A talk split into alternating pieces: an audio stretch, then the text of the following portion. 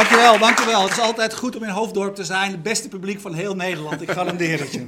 Uh, dankjewel. Um, uh, wie uh, thuis kijkt, we zijn hier bij Sanoma in, in Hoofddorp. Daar is een, een mediaparade aan de gang. drie dagen lang inspiratie op alle mogelijke fronten. Televisie, tijdschriften, nieuws, noem het maar op. daar kun je allemaal naartoe. Dus volgend jaar geef je op. Want het is namelijk een vrij toegankelijk evenement. Daar zijn we nu, doen we Topnames on Stage. we verzorgen hier vier afleveringen. We hebben allemaal een beetje pretentieus het begrip future ervoor gezet. Dus we hebben nu hier twee gasten die gaan praten over future business. En uh, dat zijn uh, Ruud Hendricks en Patrick de Zeeuw. Ze zijn van Startup Bootcamp. Uh, onder meer, ze hebben heel veel andere dingen gedaan. Wat ze daar doen is, is startende technologiebedrijven ja, helpen om sneller de wereld te veroveren, op zijn kort gezegd. En ze hebben een boek geschreven over dat onderwerp. Dat heet I'm Hungry.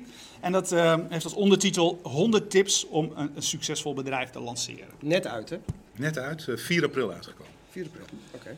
Dus we gaan met jullie praten over uh, business. Mijn vraag aan jullie is: jullie hebben die afgelopen jaren met allemaal startende ondernemingen, nieuwe ondernemers gewerkt. Die ondernemers van nu en van de toekomst, of die ondernemingen van nu en van de toekomst, waarin verschillen die van die van tien jaar geleden? Ik denk dat die, die verschillen zijn uh, iedere dag te merken. Hè? Wij, merken natuurlijk als consumenten en als bedrijven iedere dag hoe dat de wereld is veranderd. En een van de belangrijkste dingen denk ik die is veranderd is dat ondernemerschap veel uh, toegankelijker is geworden dan 15 jaar geleden of 20 jaar geleden. Ehm, we kennen allemaal de succesverhalen van jongeren van 13 of 14 die vanuit de wereld uh, met een laptopje uh, maar zeggen, de industrieën veranderen. En met dat soort bedrijven werken wij samen. Niet die leeftijd, iets ouder. Maar uh, eigenlijk is uh, ondernemerschap geliberaliseerd. En kun je met heel weinig middelen en heel weinig tijd eigenlijk je bedrijf vanuit een huiskamer tegenwoordig lanceren. Hetgeen betekent dat iedere industrie, maar zeggen, aangevallen bijna kan worden door uh, uh, verschillende, uit verschillende hoeken vanuit de wereld. Jullie zijn zelf een mooi voorbeeld met jullie kleine camera's en eenvoudige opstelling, 23 kilo aan apparatuur. Hebben jullie toch een soort van mini-tv-zender opgezet? Ja, maar het probleem, Ruud, dat geldt voor dit ook. Hoe verdien je er geld mee? Kijk, wij verdienen hier niet of nauwelijks geld mee. en we weten ook dat van al die uh, zolderkamerjongetjes, uh, uh, ja, misschien één van de duizend, dan lezen we opeens weer in de krant dat ze een app hebben verkocht ja. voor heel veel geld. Maar je kunt dus, dat, dat zetten wij, zeggen wij ook in het boek, je moet, je moet ook voor je echt begint eerst gaan onderzoeken of er wel behoefte is aan datgene wat je in de markt wil zetten. Vergeten.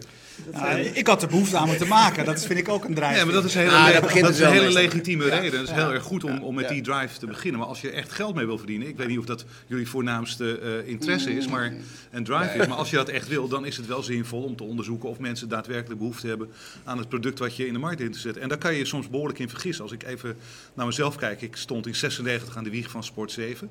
En in die, in die tijd had ik zeven jaar bij de televisie gewerkt en alles wat ik aanraakte ging super. Echt, alles was, was één groot feest. Dus ik dacht echt dat ik er verstand van had. En uh, ik had een paar jaar in Amerika gewerkt. Uh, daar verdienen ze heel veel geld met sportzenders waar je moest betalen om ze te kunnen zien. Uh, dus wij kochten in het diepste geheim voor meer dan een miljard gulden destijds nog de, de rechten van het voetbal van de KNVB. Om een lang verhaal kort te maken, de zender heeft vier maanden uitgezonden. Uh, daarna hebben wij zelf de stekker uitgetrokken en ons verlies genomen. Iedereen afbetaald, maar het heeft wel 200 miljoen gulden, dus een miljoen of 90 gekost. Ja, dus had je en dat, een inschattingsfoutje. Nou ja, wij hadden gewoon zelf moeten, onder, ja. hadden zelf moeten onderzoeken of mensen bereid waren om een biertje te betalen per maand om voetbal te zien. Ja. En maar even gelijk, gelijk weer even terug naar die start-ups waar jullie dag in dag uit mee werken. Pak ook gelijk een vraag van Twitter om mensen ook in de zaal te laten zien dat we dat serieus nemen. Uh, Boer de Boer die zegt uh, de Europese Unie krabbelt wat terug als start-up scene en omgeving. Uh, wat kunnen we nog leren van de US? constateren jullie dit ook, wat hij beweert? En hoe komt dat? Ah, nee, ik, ik, constateer eigenlijk het tegenovergestelde. Ik, ik, ik, merk heel erg dat er vanuit de Unie eigenlijk van alles wordt gedaan om die high potential startups hier in Europa te houden. En iedereen denkt dat uh, het goud aan de andere kant van de plas uh, ligt. Maar uh, veel bedrijven denken er eigenlijk niet goed over na wat het betekent als je naar Amerika gaat. Hè. Ten eerste staat de concurrentie nog een stukje heftiger dan dat die in Europa is. Ten tweede is daar meer angel of VC money, maar er wordt ook veel meer om gevochten. En op het moment dat je je bedrijf wil opschalen, dan moet je maar eens nog proberen om daar een aantal goede developers voor te vinden. Dus dat is, ik denk het tegenovergestelde. Wij zien dat steeds meer bedrijven juist hun bedrijf vanuit Europa lanceren. En als ik even naar onszelf kijk bij Startup Bootcamp hebben. Vorig jaar hebben wij 10 high potential startups uh, naar Amsterdam gehaald. Daarvan waren er uh, zeven uit het buitenland. Van India tot Spanje, de UK, um, tot, tot Duitsland. En al die bedrijven zijn in Nederland gebleven om hun bedrijf verder uit te bouwen. Ehm, dus uiteindelijk is die stap naar de US om verder op te schalen. Die hebben, veel van die bedrijven hebben die droom. Maar wij zeggen altijd, doe dat toch voorzichtig. En als je nu ziet vanuit de Europese Unie wat er wordt vrijgemaakt aan kapitaal maar ook gewoon andere middelen om die bedrijven hier te houden en het talent hier vast te houden. Dat vind ik veel beter dan dat het vijf jaar geleden was. Ik denk dat we heel blij moeten zijn met Nelly Kroes en Caroline Gerels eh, in Amsterdam.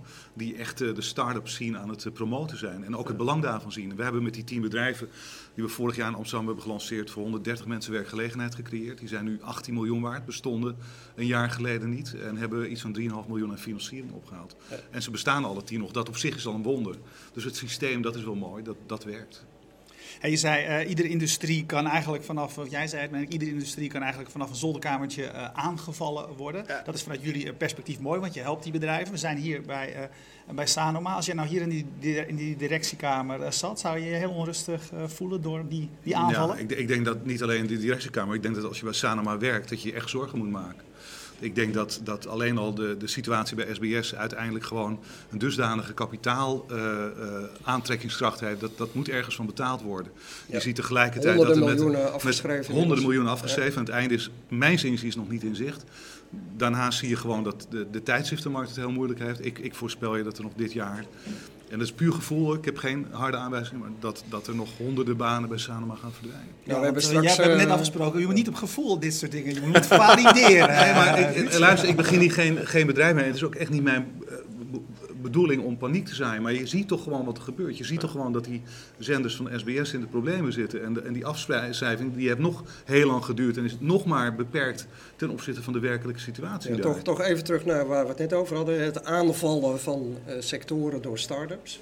Um, wat zijn op dit moment de, de sectoren die op dit moment echt met vernieuwende concepten die binnen jullie uh, portfolio zitten aangevallen worden? Want we weten dat de tijdschriften. Nou, laten, we, laten we heel dicht bij huis beginnen. De, de, uitgeefwereld dan maar. Uh, bijvoorbeeld self-publishing van boeken. Er schijnen 1,2 miljoen mensen in Nederland te zijn die ooit een keer ook een boek willen uitgeven. en die die, die die ambitie hebben. Dat was natuurlijk altijd heel erg ingewikkeld, want je moest zoals wij. Wij hebben er overigens bewust voor gekozen naar een uitgever. Naar een uitgever ik, ik, las je toevallig die column in de dit, is uitge, dit is uitgegeven bij Bertram en de Leeuw. Ja. En, en dat is toevallig, zij claimen, en ik denk terecht, de meest innovatieve uitgever van Nederland te zijn. En ben je onder de indruk?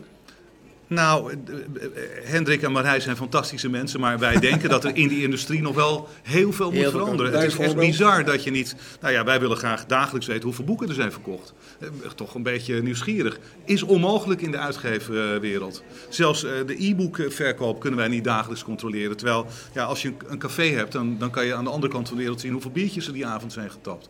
Dus dat vind ik echt niet van deze tijd. Maar self-publishing, dat wordt steeds makkelijker. Er komt steeds meer software voor. En vroeger moest je heel moeilijk uh, eerst naar Apple en dan Amazon en noem het allemaal maar op om overal in een ander formatje materiaal aan te leveren. Wordt nu allemaal geautomatiseerd. Oké, dat, Gaat een dat klap is geven. ook nog wel bekend, die uitgeverij. Ja. Ik ben zo benieuwd naar wat jullie nou in jullie dagelijkse praktijk ja, wij, wij, wij zien, wij zien op, op, op, jaarbasis ongeveer 10.000 startups erbij komen. Ja. Alle vestigingen die wij doen, wij doen ondertussen zeven steden draaien wij start-up bootcamp programma's. En uh, één trend die wij uh, erg zien opkomen is uh, self-creation dat zit hem enerzijds aan de 3D-printing, maar ook aan de fashion kant. We hebben nu een start-up zitten uh, op het kantoor uh, twee kilometer die kant in. Uh, die komen uit de Shoe Valley, dus die komen niet uit Silicon Valley, maar uit de Shoe Valley. De familie die werkt al 100 jaar in de schoenenindustrie, vier Italianen. En die zijn bezig met een platform te ontwikkelen waarbij bedrijven, maar ook creatieven, hun eigen sneakers kunnen ontwikkelen. En die ook zelf kunnen publishen of kunnen vermarkten online. Dus je ziet aan die self-creation kant, of dat nou zit in 3D-printing of in fashion, dat kan zijn in shirts of dat kan zijn in schoenen, zien wij hele interessante trends zien Waar is die Shoe Valley? De Shoe Valley die zit in Italië.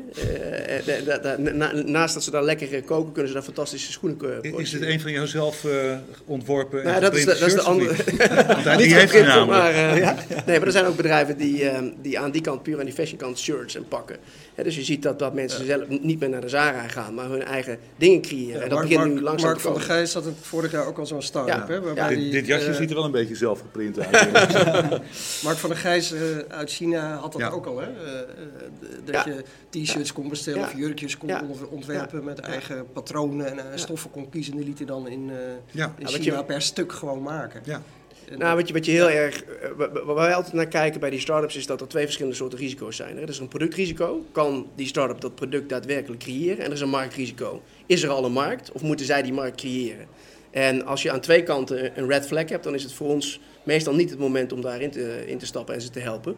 Want een markt creëren vanuit de start-up is heel erg moeilijk.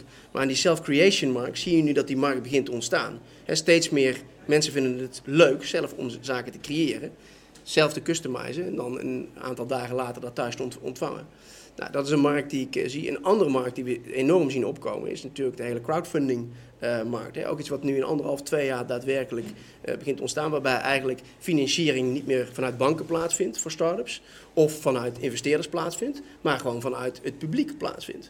Ja, dat is ook zo'n trend waar we van zien van luisteraars. Dat begint nu echt, die, die markt begint op te komen. En daar beginnen start-ups echt eh, actief op in te Ja, spelen. en, en zelfs gestimuleerd door banken. Een bank als Ja. ING realiseert zich dat ze niet meer jonge bedrijven die, die, die in hun ogen heel tricky zijn, kunnen financieren. En waar ze vroeger al die andere alternatieve vormen als concurrentie zagen, zien ze nu dat als je op die manier toch bedrijven zover kunt krijgen dat ze kunnen gaan groeien, dat er vanzelf ooit een moment komt dat die bedrijven als gegroeid zijn bij hun kunnen aankloppen. Dus die samenwerking tussen crowdfunding platformen en andere alternatieve eh, vormen van financiering, factoring, eh, sale en leaseback constructies, dat soort dingen. Ja, dat gaat wel weer zorgen voor een stukje nieuwe bedrijvigheid, denk ik. Ja, jullie, jullie hebben een heel, ja, bijna een handleiding geschreven hè, in dit boek. Eh, eh, heel, je behandelt ongelooflijk veel facetten van het beginnen van een eh, bedrijf. Van eh, het businessplan, valideren, metrics, cashflow, je team, eh, oprichten, hoe doe je dat, productontwikkeling, feedback, innovatie, marketing, media. De, Je hebt het alles. gelezen. Ja, De inhoudsopgave. Of gaan we de, de hoofdelijke door? Alleen de inhoudsopgave, geef ik onmiddellijk Ja. toe. Hij is net uit, hè, dus Ja. er Correct, tijd voor. Ehm, op welk aspect gaan de meeste mensen de mist in? Ja, weet je, eh, die ideeën die wij eigenlijk allemaal voorbij zien komen, die, ehm, dat zijn vaak heel veel dezelfde ideeën of in dezelfde sector. En ik zeg altijd, het, het gaat niet om het idee. Ik heb iedere dag tien ideeën. Ik denk dat ze redelijk goed zijn, maar als ik ze ga valideren, blijken ze eigenlijk helemaal niet zo goed te zijn. Dus het gaat uiteindelijk om het team. Is er een team dat in staat is om van dat goede idee daadwerkelijk een product te ontwikkelen, een goed product waar tractie is, kan dan datzelfde team van dat product ook een bedrijf ontwikkelen? Dat is alweer een volgende uitdaging. En kunnen ze daarna een internationaal schaalbaar bedrijf daarvan maken. En er zijn eigenlijk maar heel weinig mensen die die verschillende fases kunnen doorlopen. Want al die thema's die wij in I'm Hungry hebben beschreven, daar kom je vroeger of later kom je daar, eh, mee in aanraking. En, en dat moet je dan als team, moet je daarmee om kunnen gaan. Dus wij zien ook de meeste teams eigenlijk niet zozeer, eh, of bedrijven, startups, eh, niet succesvol zijn omdat ze niet dat product kunnen ontwikkelen, maar uiteindelijk omdat ze geen goed team hebben wat al die fases kan eh, doorlopen. En uiteindelijk met elkaar wellicht in, de, in, in discussies komen waar ze niet uitkomen, waardoor Is- het de focus is- van Is buiten naar binnen conclusie gaat. dan ook dat je voor elke fase eigenlijk een ander team nodig hebt? Nee, je moet gewoon van tevoren heel goed nadenken of je eh, zeker in dat begin de, de juiste mensen bij elkaar hebt die elkaar ook aanvullen. En je moet je goed realiseren dat je met een heel goed team een minder idee misschien nog wel tot een succes kan brengen. Maar eh, een, een minder team kan zelfs een goed idee meestal niet tot een succes brengen. Dus het team is echt veel belangrijker dan het idee. Dus wat Wij- ik wij altijd komen echt hoor, mensen wat tegen ik altijd hoor dat mensen, eh, dat, dat investeren ze in mensen, investeren Ja, dat is ook echt in zo. ideeën. Is ook echt Zeker zo. in die, in die beginfase. Kijk, op het moment dat een bedrijf hè, een, een, een Series A eh, op moet halen om echt op te schalen, dan hebben ze al een product ontwikkeld, dan hebben ze al tractie, dan hebben ze al klanten, dan blijft dat team ook nog belangrijk. Maar dat is zeker in die beginfase, die, die eerste anderhalf, twee jaar waar je erheen gaat, is cruciaal dat je een supersterk team hebt wat complementair is aan elkaar. Hè, waarbij de skills ook gewoon elkaar aanvullen. Dus niet drie mannen of vrouwen die allemaal heel sterk zijn in code, zonder een businessman of vrouw. Nee, ook die businessman of vrouw erbij. En ook die user interface designer erbij. En iemand aan de backend en aan de frontend kant. En daar kijken wij naar. En Weet, je wat een mooi voorbeeld is? De, mensen denken als we, eh, die zitten enorm op hun idee, zijn bang dat hun idee gepikt wordt. Maar Lycos, Yahoo, Ilse in dit, in, in dit eh, concern bestonden al jaren. En de mannen van Google kwamen, waren beter, zagen en overwonnen. Hey, over dat eh, eh, verhaal van, eh, van valideren, wat bij jullie een aantal keren terugkomt, dat, is, dat vind je ook in de, in de, de modieuze lean startup. Hè? Ja, Kleine stapjes ja, zetten, ja, steeds kijken hoe het gebruikt. Ehm, ik herinner mij, ehm, jaren geleden zat Paul Molenaar in de directie van Sanoma. Die interviewde ik toen een keer. En toen zei hij, hij zei, wij snappen hier alles zeg maar, van, van bladen. In die zin, we, we, we kunnen daar goed onderzoek naar doen. En we weten dat zeven van de tien titels het zeg maar, halen bijvoorbeeld. Hij zegt, van het internet, zei hij toen, en ik denk eigenlijk zelf dat het misschien nog wel zo is, daar is dat zoveel moeilijker. Er is eigenlijk geen aantoonbaar uh, gevolg. Uh, als we ergens 50.000 euro in stoppen of 500.000 euro, uh, is de kans van die laatste zeg maar niet groter op succes. Dus je moet, hij zei toen al, je moet eigenlijk heel veel Correct. kleintjes doen. Maar hoe doe je dat valideren dan? Ja, dat valideren doe je feitelijk door experimenten te draaien. dus wij, die bedrijven die wij nu uh, bij Startup Bootcamp hebben zitten, die hebben allemaal een product ontwikkeld. Maar de kans dat dat product qua marktfit, qua segmentatie, qua uh, pricing model een, een, een perfecte fit heeft met de markt, die is eigenlijk nul zeggen wij altijd. Die, die bedrijven die pivoten, zo weten dat. En dat doen ze naar aanleiding van een aantal experimenten die ze draaien. En die experimenten die kunnen zijn op het gebied van pricing model, die kan, kunnen zijn op het gebied van de doelgroep waar ze zich op richten. En, en wij noemen dat fact-based decision making. dus je neemt niet op basis van je gut, zal maar zeggen, een besluit, maar je neemt op basis van experimenten een besluit. Hey, Zal je een klein voorbeeld geven? Pivoten is zo'n buzzword, hè? Wat, wat leggen ze uit? je verandert je businessmodel. 70% van de bedrijven die bij ons binnenkomen verandert binnen vier weken nadat we ze ontmoeten van businessmodel. Uh, omdat ze gewoon ze moeten valideren en dan blijkt het toch niet te kloppen of, of anders beter te kunnen. En dat kan op productniveau zijn of een pricing model kan dat zijn. Ik zal je een voorbeeld geven van een bedrijf wat we nu hebben zitten. Dat heet Swogo. Dat is een uh, Engelse uh, start-up. Hebben al een product ontwikkeld, hebben ook al financiering opgehaald. En anderhalve week geleden zijn die gepivot. Dus die hebben het concept hebben ze aangescherpt. En die zijn van eigenlijk een B2B uh, B2C model naar een B2B model gegaan. Zijn de laatste drie, vier maanden hebben ze getracht om een business-to-consumer model te ontwikkelen. Dat lukte steeds maar niet. We zeiden, nou, als dat niet lukt, dan kun je er nog wel drie maanden. Maar er zitten een aantal weeffouten gewoon in jullie gedachten. Laten we eens een aantal aannames doen en gaan valideren of die correct zijn. Toen zijn we die aannames gaan testen in een B2B-omgeving. En wat blijkt nu? Ze hebben die aannames bij tien potentiële klanten getest. En die zeggen alle tien, wanneer kunnen wij dit product gaan gebruiken? Ja. Nou, dat, is dus op basis van feiten. Zo kun je dat ook doen met bepaalde functionaliteit die je ontwikkelt. Stel dat je van je product een nieuwe functionaliteit ontwikkelt, dan kun je het ontwikkelen. Dan heb je twee, drie maanden ontwikkeltijd. Dan zet je het online en dan kijk je of mensen erop reageren. Je kunt ook zeggen van nee, laten we nou eens een button voor uh, die functionaliteit op de site plaatsen. En kijken hoeveel mensen erop klikken. Mhm. ja? En als die, die klik niet lijkt tot van hé, hey, daar zit een productje achter. Ja. Dan als je daar vragen over krijgt van hij doet het niet, dan hebben mensen waarschijnlijk interesse in dat product. En op die manier kun je op basis van feiten kijken of het daadwerkelijk interessant is om een functionaliteit te ontwikkelen, een businessmodel te ontwikkelen, een segment te ontwikkelen, ja of nee. ik, en wat zie wij zien... een interessante vraag van Martijn van der Neut. Ehm, die zegt eigenlijk, jullie hebben al die regels en die wetmatigheden en daar moet je natuurlijk ook weer je vraagtekens bij eh, stellen, want wie zijn jullie?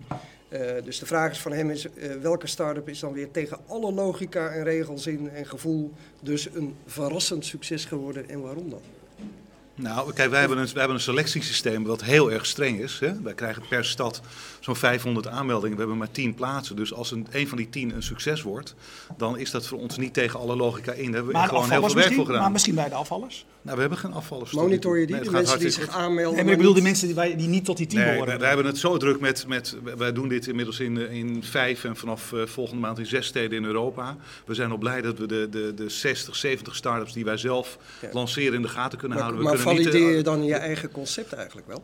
Nou, we hebben het, het, het concept heel erg gevalideerd. Ja, ja, als je nee, nee, in de voor alle duidelijkheid. Of je eigen selectie. Uh, nee, kijk, kijk weet je, het is de, als je per jaar uh, per stad 490 bedrijven af laat vallen, zit daar natuurlijk ook een keer een partij tussen die ook wel een succes zal worden. En voor alle duidelijkheid, ik hoop dat ze allemaal een succes worden. Nou, de dus meeste bedrijven die vallen af omdat de teamsetting hen nog niet optimaal is. Dus die uh, zijn met z'n tweeën en die missen gewoon uh, nog wat. En wat wij dan zeggen, meld je dan aan voor het volgende programma. Iedere twee maanden starten wij een nieuw programma. Wij zien ook, sommige bedrijven zijn net iets te early stage voor ons. Wil niet zeggen dat het idee niet goed is misschien nog niet ver genoeg doorontwikkeld, het team nog niet helemaal complementair. En dan zeggen we, oké, als je niet voor Amsterdam nu wordt gekozen, dan moet je misschien aanmelden voor Londen of voor Berlijn of Haifa. Dus wij volgen die bedrijven op die manier, volgen we ze wel. Wij, wij, vertellen de afvallers ook wel waarom ze afvallen. Zeker de laatste honderd, die, die krijgen dat allemaal te horen. Okay. En jullie zien dus al die, die, die ideeën langskomen, die start-ups langskomen. Uh, jij bent iemand met heel veel uh, media-achtergrond. Uh, jij ook, wij allemaal hier aan deze tafel, dus houden van media.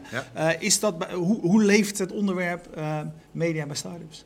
Nou, ik vind eigenlijk, eigenlijk veel minder dan je zou denken aan deze teamsetting. Wij kijken ook niet specifiek naar mediabedrijven, eigenlijk in tegendeel. Nee, maar daar, daar vraag je, wat, denk, wat, zie, wat ik, kun je daar denk, ik, Daar kun je op twee manieren naar kijken. Dan kun je kijken naar van wat voor technologie wordt ontwikkeld voor de mediakant. Daar gebeurt veel in, hè? met name aan de editingkant, aan de publishingkant van, van video. En je kunt kijken naar van hoe wordt er met media en publiciteit onder, omgegaan binnen die startups. Dat is eigenlijk altijd een zwaar onderbelicht thema ik, de, hele marketing van je start-up, het hele storytelling verhaal is cruciaal om tractie te krijgen in de markt. Zowel richting consumenten als richting investeerders of naar, naar klanten. En dat is wel iets waar wij die teams bij helpen. Ik heb vanmorgen een sessie gedaan van twee uur. Wat het belang is van storytelling.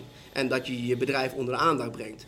Maar je kunt je er iets bij voorstellen. Daarom kijken wij ook met name in die teams. Op het moment dat daar twee topprogrammeurs uh, zijn, dat zijn meestal niet de mensen die geïnteresseerd zijn in marketing en de media. Dus we zoeken er dan ook een sterke man of vrouw bij die wel uh, dat intrinsieke, die intrinsieke behoefte heeft om dat verhaal over de bühne te brengen. En daar ook de capaciteit voor heeft. Hey, Herman, uh, Herman Kienhuis op Twitter. Ja, die vraagt. Ja. ja. Oh, daar zit hij. Ja. Hoe verhouden de steden in Europa zich tot elkaar? Hoe kunnen Amsterdam en bijvoorbeeld ook Eindhoven uh, meer ondernemend talenten aantrekken. Nou, Eindhoven gaan, gaat Startup Bootcamp in de komende maand uh, van start. Dat uh, gaan we aankomen. gaan we een high-tech accelerator doen. Ik denk dat Amsterdam en Eindhoven eigenlijk, weet je, in de ogen van, de, van, van, de buiten, van het buitenland, buitenlandse startups, is het bijna één stad. Weet je, je bent in een uur en twintig minuten ben je op de high-tech campus. En ik denk dat we een aantal enorme voordelen hebben. We hebben met Schiphol een, een, een, luchthaven waarmee je op 350 steden in de wereld direct kunt vliegen. We spreken over denken van met z'n allen behoorlijk goed Engels uh, spreken. Huisvesting is nog betaalbaar. We hebben geen idiote files, uh, dat soort dingen. En hoe verhoudt zich dat tot de rest ik, van Europa? Ik, ik, ik denk, wel, ik denk wel dat, uh, nou beter denk ik dan de rest van Europa. Ik denk wel dat wij als het gaat om zaken als subsidies, fiscale regelingen en dat soort dingen, nog wel een behoorlijk eind achterlopen bij bijvoorbeeld bij Engeland, waar ze, er staat ook in het boek, uh, echt een aantal regelingen hebben, waardoor het heel erg aantrekkelijk is om in startende ondernemingen uh, als financier te stappen. En daar kunnen we nog heel veel doen. Nou ja, en ik, ik, ik denk eh, dat met name aan de storytelling kant uh, aan moet worden gewerkt. Hè. In, in Berlijn hebben een aantal. Uh, Maak het eens concreet, wat bedoel je dan? Dat mensen niet kunnen pitchen, dat ze niet in drie zinnen. Nee, nee, nee. Amsterdam moet zich veel beter, uh, of, of Nederland moet zich veel beter profileren als, als, uh, launching, als launching country ja. for startups. Okay. En daar is eigenlijk onvoldoende aan gewerkt. Als je kijkt hoe daar in Londen of in Berlijn mee wordt omgegaan. Ja, maar toch, dan, als wij, wij doen elke week hebben wij mensen aan tafel en vaak startups. En die zeggen ja. eigenlijk allemaal deze week nog van ja, in Nederland, je krijgt geen investeerders. Het is allemaal ingewikkeld. Ja, wij, hebben, wij hebben geen enkele moeite om investeerders de, te krijgen. De belasting staat staat al op je man. Op nee, op, nee, maar weet je, investeerders zeggen terecht: investeren in start-ups is riskant. Maar en dat waarom is ook horen zo. wij dat dan doorlopend terug? Nee, maar dat, dat, het is ook riskant en het is ook moeilijk. En dat komt omdat dat heel, heel vaak stand-alone zijn die te weinig begeleiding hebben. Maar als je kijkt naar onze tien start-ups van vorig jaar, die zijn allemaal gefinancierd. Nu zijn er twee van de negen alweer een behoorlijk uh, stuk gefinancierd, terwijl we twee weken bezig zijn. Dus als je uh, met mentoren en een goed systeem het risico van een investeerder beperkt. Maar dan zeg je dat is dus eigenlijk het succes van jullie programma. Ja, dat heeft er, dat heeft er voor een groot deel te maken. Onder andere. Kijk, ik denk wel dat daar ook het klimaat kan verbeteren. Als je gewoon kijkt naar het klimaat dat er bijvoorbeeld in de UK, wat Ruud net aan is gegeven, gege heeft gegeven op fiscaliteit, is gecreëerd, is het voor investeerders het risico om in start-ups te investeren is substantieel verlaagd. He, op het moment dat je daar een investering van 100.000 euro in een start-up doet, dan als het, als het misgaat met die start-up, dan kost je dat out of pocket 10.000 euro. Terwijl als het goed gaat met die uh, start-up, dan hoef je daar over de eerste ton, de eerste 100% additioneel resultaat, hoef je geen belasting te betalen. Nou, dat zijn natuurlijk wel triggers. Hè, die enorm helpen om angel investors of informal investors in die startups uh, in die eerste fase door te helpen. Dat zijn wel zaken die moeten worden gedaan. Daarna zullen er toch een aantal successen moeten worden gecreëerd. Uh, waarom is Silicon Valley zo hot? Omdat daar zoveel successen zijn ja, dat trekt andere mensen aan om te gaan ondernemen. Op het moment dat wij in staat zijn in Amsterdam of in Europa een aantal van die successen te creëren, die zijn natuurlijk, hè, we kennen allemaal de Skypes die natuurlijk uit Europa zijn eigenlijk te weinig, dan zullen steeds meer bedrijven ook hier vanuit Europa en vanuit Nederland hun bedrijf gaan lanceren en hier ook blijven. Maar mag ik toch nog één ding toevoegen? Kijk, ik denk dat het klimaat om een start-up te lanceren in Nederland nog nooit zo goed is geweest als nu. Want als je geld hebt, hè, wie zet zijn geld op de bank? Kijk naar wat er net in Cyprus is gebeurd. Wie vertrouwt zijn vermogensbeheerder nog? Ik ben commissaris bij een bank. En, en al die klanten denken allemaal dat het bij een andere bank beter is. En bij die andere bank denken ze dat het bij ons uh, uh, beter is. Welke bank uh, ben je? bij Theodor Gielissen Bank. daarnaast, weet je, de beurs schommelt alle kanten op. Als er een bomaanslag met de drie doden is in Boston, huppakee, gaan de koersen omlaag. Dus wat is er leuker dan als je geld beschikbaar hebt om gewoon echt heel geïnvolveerd, dus echt betrokken met start-ups te werken en daar wat mee te doen. En als je een goed, goed team hebt, en een goed idee, dan is er absoluut geld in de markt beschikbaar. Er is heel veel geld in de markt. Sterker, dat, dat, geld vindt die start-ups. Die start weet je, de, de, de, actieve investeerders die weten precies waar ze moeten zijn en die hebben in één gesprek hebben ze het door. Dus het gaat meer om de kwaliteit van de start-ups dan het gebrek aan geld. Okay. We gaan een vraag naar van uh, Mariska van de J. Hoe is de concurrentie tussen de accelerators uh, onderling? Want je hebt in Amsterdam heb je bijvoorbeeld ook uh, Rockstart.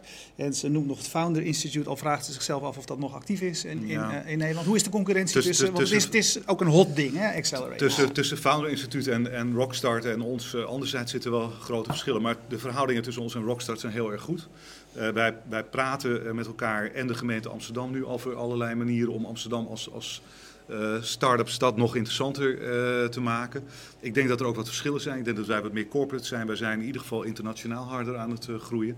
Ik denk dat er bij Rockstart iets meer de romantiek is van, van vanaf je achttiende een wereldbedrijf bouwen. maar ik, ik, ik, ik vind het alleen maar prima dat, dat er concurrentie is. Dat, dat houdt ons en, en hun ook scherp. Dat is helemaal goed.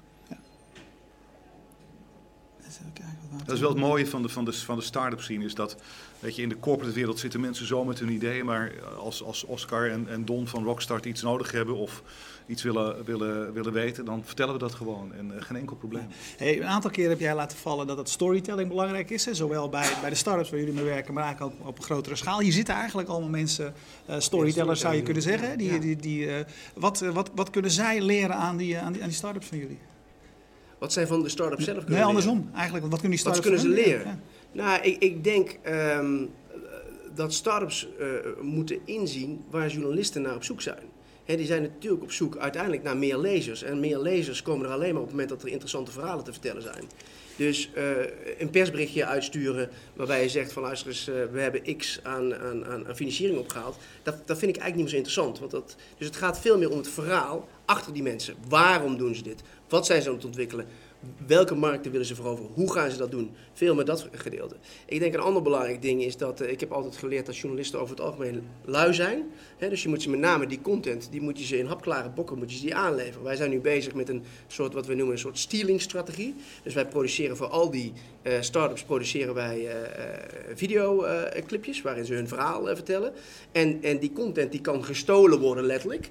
En die kun, de journalisten kunnen ze die toevoegen aan hun artikelen. We hebben dat vorig jaar gedaan met een start-up uh, Poikos uit de UK. Uh, daar hebben we zelfs, die waren genomineerd voor een bepaalde Startup Award. Daar hebben we uh, één clip ge, geproduceerd waarbij ze de award zouden winnen. Maar ook eentje als ze hem niet zouden winnen. Uiteindelijk wonnen ze hem. En die content die hebben we beschikbaar gesteld aan TechCrunch. En TechCrunch heeft dat opgepakt. En uiteindelijk werd die video 60.000 keer bekeken. Nou, dus je, je, je moet als start-up moet je met name nadenken over proberen te verplaatsen in die journalisten. En wat voor stories hebben die nodig om jou onder de aandacht te brengen. En dat is best moeilijk voor heel veel start-ups. Oké, dat dan, geldt dan voor al die mensen die al een start-up hebben. Misschien zitten hier in de zaal of thuis mensen te kijken die overwegen om een start-up op te gaan zetten. Omdat ze een goed idee hebben. Die denken, hé, hey, bij dat programma van die gasten, daar wil ik wel bij. Wat zijn jullie selectiecriteria? Hoe beoordeel je in godsnaam of een idee nou, het, het, of een, een persoon het begint ermee of een team dat wel of niet geschikt is om met jullie mee te doen? Het, begint ermee dat er heel veel mensen zijn die het idee hebben dat ze, dat ze een bedrijf willen beginnen, maar het uiteindelijk nooit doen. Dus het eerste wat ik tegen die mensen wil zeggen is, doe het gewoon. Weet je, daar begint het mee. En als je het dan doet, zorg dan dat je gewoon een goed team hebt. Maar waar wij heel erg naar kijken bij mensen is ten eerste, wat is hun drive? Hè? Wij willen echt mensen die de tafel opeten om gewoon echt het beste bedrijf van de wereld te maken. Dat is, dat is, dat is cruciaal. Tweede, wat heel erg helpt, is als je al een tijdje in een corporate omgeving hebt gefunctioneerd, waardoor je weet hoe grote bedrijven denken, waardoor je een netwerk hebt wat je kunt inzetten om dat bedrijf op te bouwen. Derde is, ken je zwakke punten en wees daar ook heel eerlijk over en zorg dat je die zwakke punten aanvult door mensen om je heen te verzamelen die ze versterken. En, en idealiter, zoek naar mensen die beter zijn dan jijzelf. Hè? Uh, omdat je ooit misschien een keer het moment uh, wil hebben dat je jezelf overbodig kunt maken. Dat zijn eigenlijk voor ons wel de eerste dingen waar we naar kijken. En, daarna komt pas het idee. langs de lijst van uh, selectiecriteria, check, check, check. absoluut. ik, ik, heb altijd mijn lijstjes. Ben je aan het sporen of zeggen jullie na afloop van een gesprek tegen elkaar, deze willen we hebben, ga je achteraf de argumenten nou, wij, wij, weten meestal, wij kijken elkaar één keer aan tijdens het gesprek en dan weten we al of dat ze doorgaan naar de volgende ronde, ja of nee. Dus en dat is niet anders dan bij een sollicitatiegesprek. Ja, die, die zijn er wel, alleen we hoeven er niet meer over te praten. Nee, die zijn impliciet aanwezig. Ja. Nee. nee. maar goed, op het moment dat je, je kan je je voorstellen, als je van 5, we gaan van 500 terug naar 250. Dan laten we 250 partijen laten we pitchen in vier maanden tijd. Spreek gaan we terug naar 100. Zelf? Allemaal zelf. Ja? Dus op het moment dat ze in Europa wonen, dan komen ze meestal vliegen ze in. En als ze uit India of in de US of in Canada zitten, dan pakken we ze via Skype op. Dat zijn hele interessante sessies. Dat doen we 15 sessies per dag. 5 minuten pitchen, 25 minuten feedback op een groot scherm. Eh, en, en ik zeg altijd, die dynamiek die verandert een beetje gedurende de dag. S ochtends beginnen we eh, met Oost-Europa. Eh, dat zijn meestal, Engels gaat dat moeizamer, maar wel talentvolle mensen. En dan pakken we, smiddags pakken we Zuid-Amerika. En dan aan het einde van de dag, dan schieten de Amerikanen vol energie door. Hè, want die kunnen pitchen als geen ander. Maar ondertussen prikken we daar redelijk doorheen door die verhalen die ze hebben.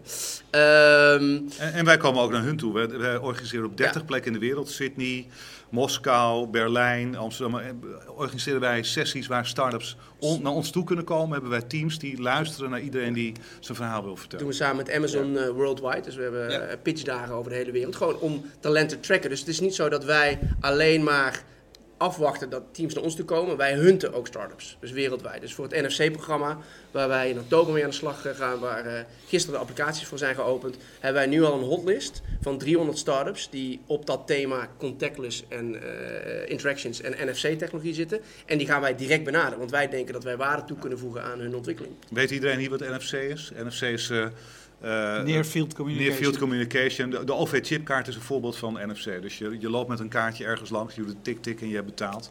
Je hoeft, je hoeft geen pincodes meer in te toetsen en te wachten 10 seconden tot er een bliepje gaat. En, uh, Hey, um, even een persoonlijke vraag. Ik heb twee kinderen, die moet ik de toekomst inloodsen.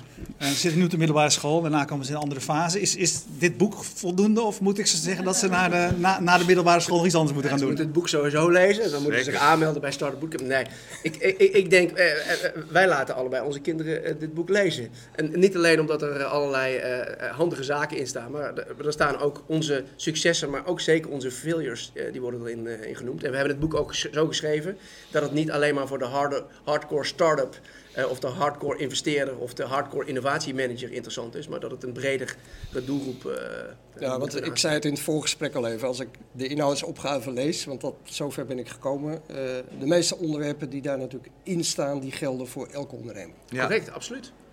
ook iemand die, als je hier bij Sanema een afdeling leidt of onderdeel bent van een team, of je nou de innovatiemanager bent of uh, hier de CEO, ik denk dat daar uh, relevante thema's worden aangestipt. Met name hoe dat bedrijven in de digitale wereld innoveren. En dat is echt anders dan tien jaar geleden. Ja, en ik vind de transparantie die steeds terugkomt, vind ik ook wel een rode draad. Ja, uh, klopt dat? Zit dat in jullie filosofie? Nou ja, wij geloven in Vanaf openheid. Wij, wij hebben geen geheimen. Dus als, maar ook in je team, in naar buiten toe. Ja, absoluut. Uh, gewoon eerlijk zijn. En, en wij merken dat sinds, hè, sinds wij op die manier opereren, dat er heel veel mensen naar ons toe komen met ideeën en, en met, met, met voorstellen. Dus uh, wij, wij profiteren van het feit dat we onze ideeën gewoon niet beschermen, maar gewoon in alle openheid weggeven. Hey, zullen wij tot slot het boek nog even valideren? Ja, laten we ja, even vragen of mensen, uh, hoeveel mensen van jullie overwegen na deze sessie dit boek te kopen? Kijk, kijk. Nou ja, bedoel, we hebben één, we hebben één extra hier, dus hoe, hoe, gaan we die, hoe gaan we die weggeven? Ja, hoezo het, nou ja, jullie mogen... mogen nou, ik zou zeggen een hele leuke vraag. Als we nou eens beginnen met drie of vier vragen, en dan zullen wij kijken welke dat we het meest challenging vinden. Nou, ik zou zeggen een, pitch, een, een, pitch van één minuut een van een idee. Nee, maar één voorwaarde, wij, één voorwaarde, wij willen nog een boek van jullie, want we willen ook de mensen die thuis kijken... Jij krijgt nog een boek. Ja, dat, dat, dat, dat, heb je morgen, dus dan kan je het van de week sturen. Meneer daar, die heeft een vraag. Uh, mogen we jullie uitnodigen om op de Hogeschool van Amsterdam bij de mediaopleiding jullie verhaal te komen? Met, uh, met, met heel veel genoeg. Wij herhalen even de vraag. Nu, nu, worden we overruled ja. door uh, een van onze gasten, want we hebben immers Twitter. afgesproken dat vragen alleen via Twitter oh, ah, okay. want, want, wij maken deze uitzending, wij dus, maken deze uitzending voor de mensen thuis en ook voor jullie. En om, maar goed, wij herhalen de vraag. het is wel een, beetje, het is wel, wel een beetje ingewikkeld als mensen via de service van Twitter in de Verenigde Staten hier een vraag op ons. Uh... Ja, dat is Werkt, werkt het of werkt het niet? Ja, ja, ja het werkt. Ja. ik ben een groot Twitter-fan hoor, dus dat weet ik. Maar dat ene boek moesten we nog wel uh, eventjes hier... Uh... Ja, hoe gaan we dat doen? Ja, weet je wat, we doen de eindleader en dan gaan we daarna verder met het verloten van het boek. Ja, gelijk een heel goede. Oké, dank uh, voor het kijken wie nu thuis live meekijkt. En uh, voor jullie vertellen uh, alsjeblieft verder dat je via fastmovingtargets.nl inmiddels een stuk of 150 van dit soort interviews kunt terugkijken. Alle mogelijke industrieën komen langs, maar ook heel veel mediagasten hebben, want dat is een beetje onze, onze eigen achtergrond. Um, we bedanken zoals altijd Streamzilla, dat is een partij ook voor jullie. Hè? Als je mooi wil gaan streamen, dan moet je even bij Stef van der Ziel zijn in Groningen. Want dat is een internationaal vermaarde partij die in audio- en video-hosting doet. En die maakt deze live-uitzending mogelijk. Um, de rest van de middag zijn we hier ook nog voor wie nu uh, live kijkt. Het volgende blok zit hier onder meer uh, Michiel Buitelaar. Uh, die is COO tegenwoordig van Sanoma. Ja. Dank voor het kijken. Dag.